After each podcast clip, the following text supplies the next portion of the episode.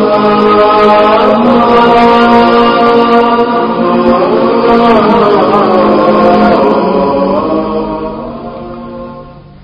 الله الرحمن الرحيم. والحمد لله رب العالمين والصلاة والسلام على سيدنا محمد النبي الكريم وعلى آله وصحبه أجمعين. أهلا بكم ومرحبا مع صناعة النجاح. تحدثنا في حلقات كثيرة عن معنى النجاح. ولخصت لكم معادلة النجاح الأساسية. وأريد اليوم أن ألخصها بطريقة أخرى. نحن قلنا أن النجاح هو أن تنجح في داخلك وأن تنجح في علاقاتك وأن تنجح في إنجازاتك وأن تنجح مع ربك في آخرتك. نحن نستطيع أن نلخص معادلة النجاح هذه بطريقة أخرى. ونقول أن النجاح هو أن يكون عندك توازن في أربعة جوانب. الروح والعقل والعاطفة والجسد. سبحان الله الإنسان يتشكل من هذه الأربع. نحن جسد نحن مشاعر عواطف نحن عقول تفكر ونحن روح تسمو أو تخبو. النجاح الحقيقي هو أن ينجح الإنسان في الجوانب الأربع. دعونا نأخذ هذه الجوانب الأربع نبدأ بأسهلها. الجسد. هذه أسهل الأمور. سبحان الله. معظم الناس يعيشون لأجل الجسد. ما في روح ما في عواطف حقيقية وما في عقل. يعيشون لأجل الجسد. يريد أن يرتاح يريد أن يستمتع يريد أن يلبس يريد أن يأكل أحسن مأكل يريد أن يكون في أحسن سيارة في أفخم بيت هذا كله من أجل ماذا من أجل ماذا من أجل الجسد. من أجل الطين. لأجل هذا يعيش معظم الناس.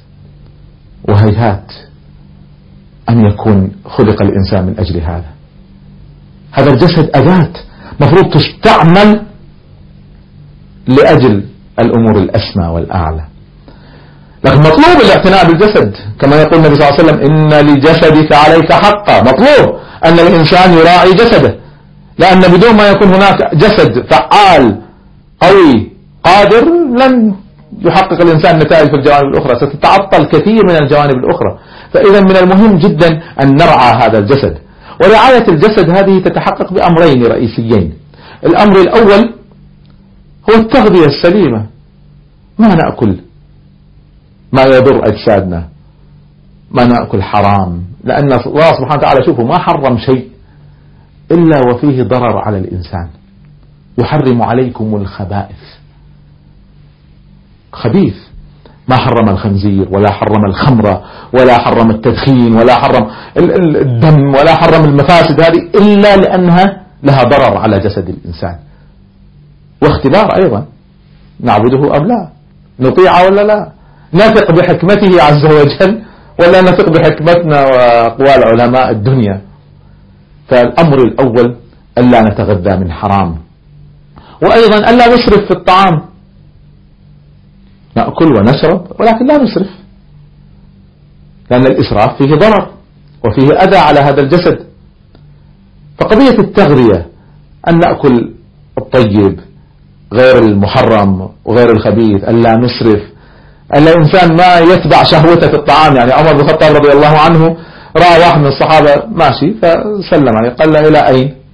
قال والله اشتهيت الطعام الفلاني فذهبت أشتريه. فقال كلمة عجيبة جدا. قال أو, أو كلما اشتهيت اشتريت؟ سبحان الله الإنسان بعض الناس ما يستطيع يتحكم في نفسه. يشتهي شيء يضر يعرف أنه يضر يأكله فقضية الإكثار من الأغذية السيئة التي لا نفع فيها ولا هذا جزء من الضرر. فإذا جزء من النجاح أن نحافظ على أجسادنا. أولا بالتغذية وشيء آخر بشيء من النشاط. ما يكون إنسان خامل ودائما جالس وبس يتفرج على التلفزيون ما في لا رياضة ولا في حركة ولا في همة. ثقيل. مع الأيام تتراكم الشحوم وتتراكم الأمراض. فإذا جزء أساسي من معادلة النجاح في الحياة أن نرعى أجسادنا. هذا جزء. الجزء الثاني وهو جزء أيضا هام جدا. أن نرعى العقول. العقول. شوفوا أعظم ما يملك الإنسان العقل. أعظم شيء. الإنسان إنسان لأنه أعطي هذا العقل الذي به يقرر كيف يدير الجسد وكيف يوجه الروح وكيف يوجه العلاقات والعواطف.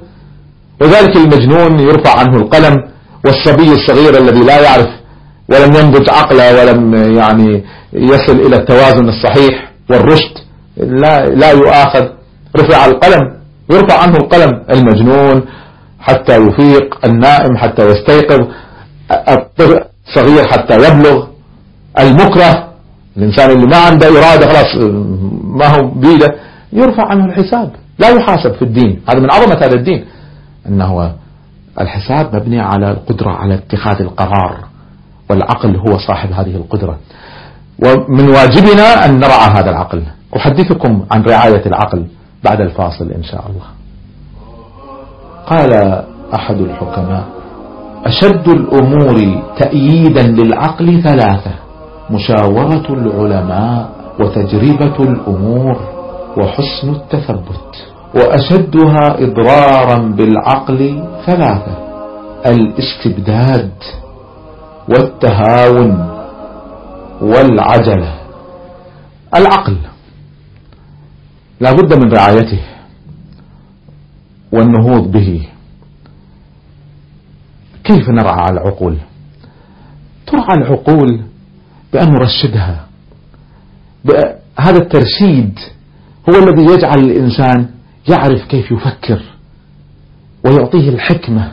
يقول الله عز وجل عن داود عليه السلام وآتيناه الحكمة وفصل الخطاب. لما يتكلم يتكلم كلام فصل. ما هو لخبط؟ عنده حكمة عنده عقل. ومن يؤتى الحكمة فقد أوتي خيرا كثيرا. هذه الحكمة هل هي قابلة للتعلم؟ طبعا. ويعلمهم الكتاب والحكمة.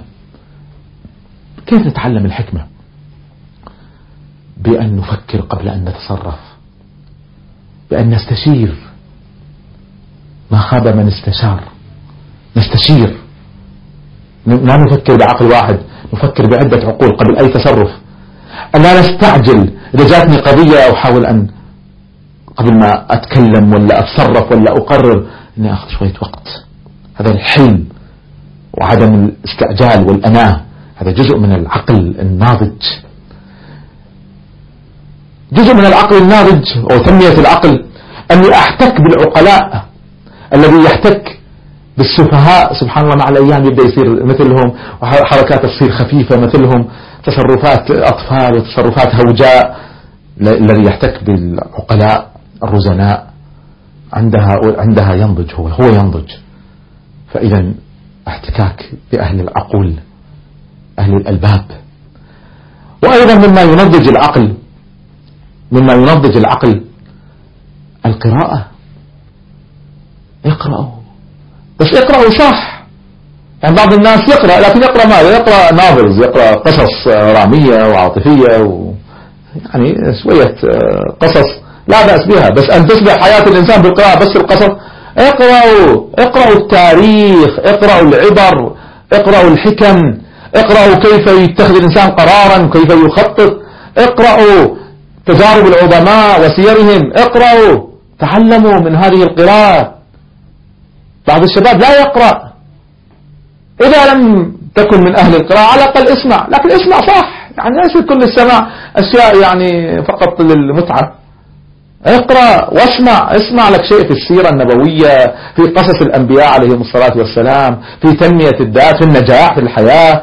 اسمعوا. اقرأوا. نموا عقولكم. هذا جزء أساسي من صناعة النجاح أن يرعى الإنسان عقله ويهتم به. ويصعد به إلى المراتب العليا فهذا هو المعيار الثاني للتوازن. رعاية الجسد والثاني رعاية العقل. أما المعيار الثالث فهو التوازن في العواطف. في العواطف نعم. الإنسان سبحان الله له مشاعر له أحاسيس. هناك دراسة مؤخرا نشرت أن الإنسان المحروم من العاطفة من الحب والحنان. أضرار هذا عليه جسديا. أنا اطلعت على هذه الدراسة بنفسي. هذا مؤخرا قرأت حوالي أسبوعين فقط. أضرار الجسدية لحرمان الإنسان من الحب والعاطفة أكثر من آثار التدخين. والتدخين يعتبر من الأشياء السيئة جدا. سبحان الله أنا أستغرب من المدخنين. يعني ما في مرض إلا وتجد التدخين له علاقة فيه.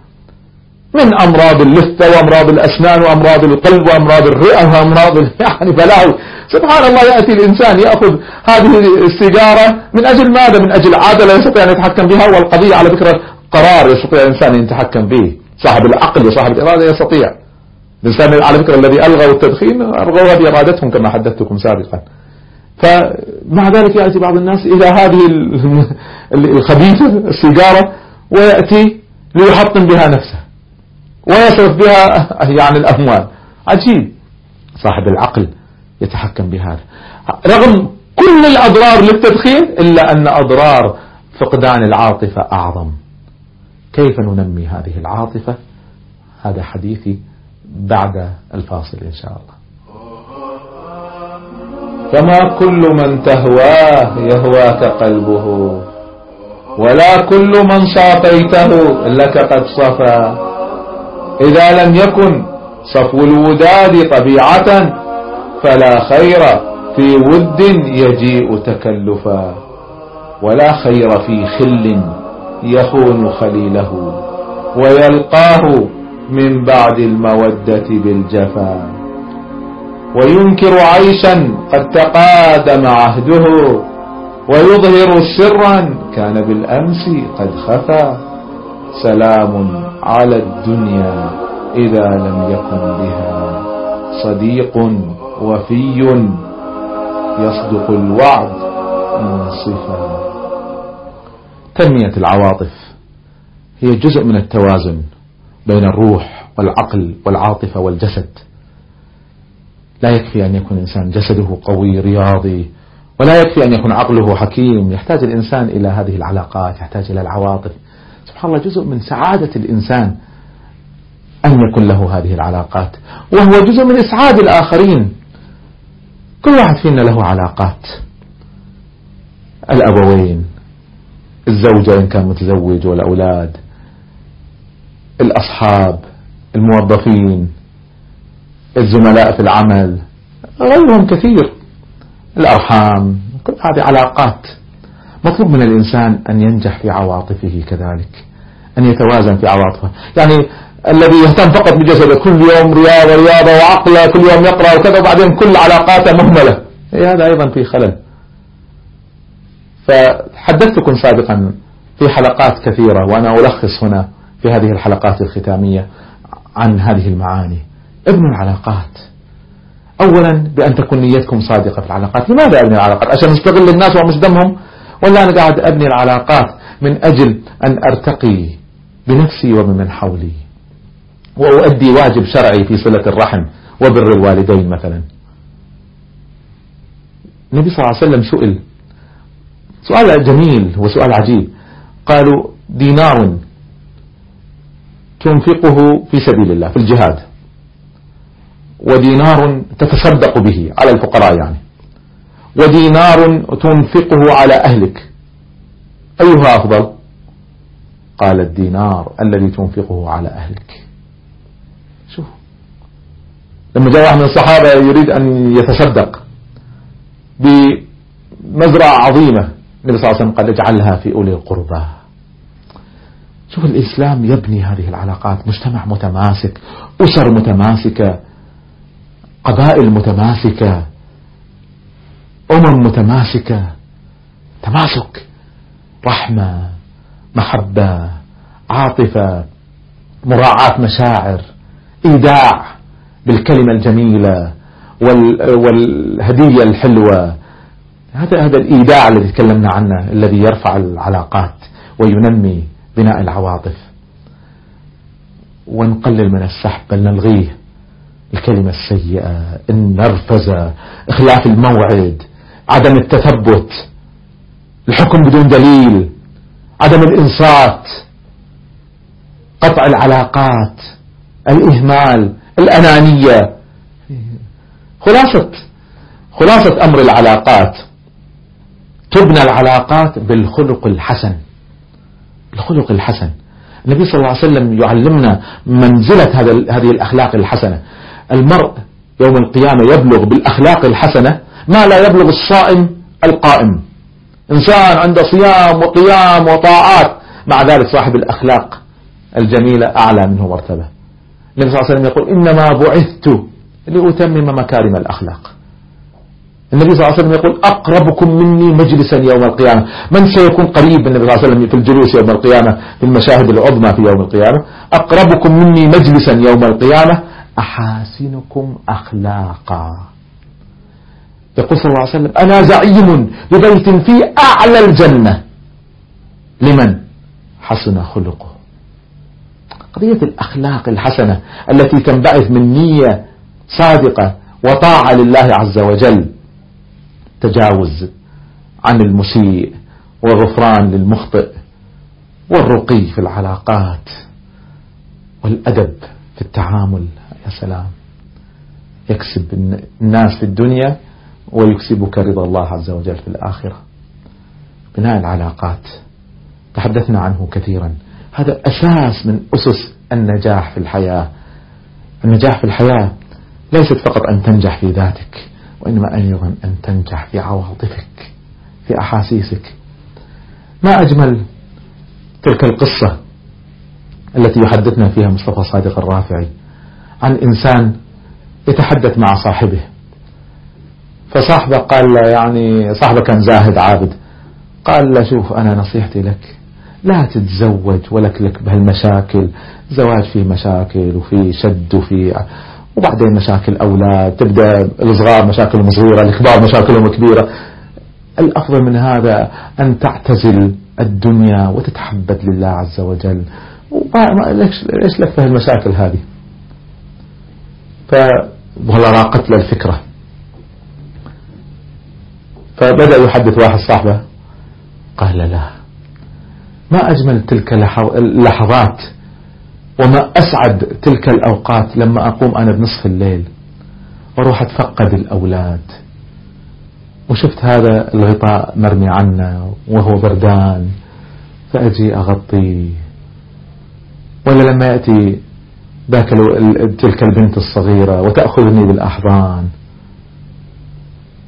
هذه المشاعر في تلك اللحظات من عطاء الله الكريم من نعم الله العظمى تبعث الرحمة ومن لا يرحم لا يرحم. معنى العواطف معنى جميل هو جزء من بناء التوازن الذي هو أساس من أسس صناعة النجاح. مزيد من معاني التوازن بعد الفاصل إن شاء الله. النجاح هو التوازن بين أربعة جوانب الروح والعقل والعاطفة والجسد. باختصار النجاح له صورتان. النجاح هو أن يكون عندك توازن في نجاحك في داخلك أو في علاقاتك وفي نفس الوقت في عطائك وإنجازك ونجاحك مع الله. هذه طريقة لفهم النجاح. الطريقة الأخرى التي نتحدث عنها اليوم أن النجاح هو التوازن بين الجسد بأن نرعاه بالغذاء السليم الحلال ونرعاه بالرياضة والنشاط والتوازن بين الجسد والعقل بأن نرعى عقولنا بأن ننميها بمزيد من العلم والقراءة والاحتكاك بالحكماء وتنمية الخبرات والتخطيط والنظر والتحكم في القرار. هذا الجزء الثاني. والجزء الثالث هو التوازن في العواطف في العواطف. أن يكون الإنسان صاحب علاقات سليمة مبنية على أسس متينة. ينميها باستمرار ويتعامل مع الناس بخلق حسن. والجزء الرابع والأخير هو الروح جسد وعقل وعاطفة وروح والإنسان بدون روح يصبح حيوانا. ينزل ينزل. سبحان الله الله سبحانه وتعالى كرم بني آدم ولقد كرمنا بني آدم. الله سبحانه وتعالى جعل الملائكة يسجدون لآدم تكريما لبني آدم. الله سبحانه وتعالى رفع الإنسان إلى الدرجات العليا بدون العناية بالروح. إذا صار الإنسان جسدا واهتماماته حيوانية بشهوات بطعام بكذا فقط هذا الملبس ماذا يأكل ماذا ينكح ماذا بس هذا هذا همه. نزل الإنسان إلى الحيوانية ألغى الروح وصار حيوانا صار جسدا. ثم رددناه أسفل سافلين. سبحان الله لما نسمع بعض قصص الغربيين كيف يتعاملون؟ يتبادلون الأزواج واللي عنده كذا عشيقة واللي يتعاطى العلاقات المحرمة فقط لشهوة. ما في أي عواطف ما في أي أي عقل ما في أي روح. جسد فقط جسد حيوان. حيوان ينكح حيوان يمشون عن بعض. أعوذ بالله لما ينزل الإنسان إلى هذا الانحطاط لما يسمع الإنسان أو يشاهد مثل هذه المشاهد عندها يعرف عظمة ما أعطانا الله عز وجل من معاني الإيمان. لما يعيش الإنسان يتجاوز الحياة الدنيا حتى يكون أهدافه أخروية. لما يصبح الإنسان ينظر بمعادلات غير معادلات أهل الأرض ينظر بمعادلة أهل السماء. أن الدنيا مزرعة وأن الآخرة هي البقاء. أنه بروحه يسمو ويعلو ويعلو حتى تصبح الروح هي المسيطرة على كل الإنسان. بدون أن يزهد في الدنيا ويلغيها لكن يعرف كيف يتعامل معها. بدون ما يعطل الجسد لكن يعرف كيف يستفيد من هذا الجسد في الدنيا والآخرة. بدون ما يعطل العلاقات ويعتزل الدنيا بل يبني علاقات وثيقة وقوية ويتمثل بالأخلاق السامية.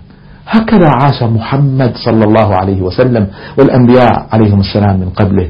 عاشوا بهذا التوازن بين الروح والعقل.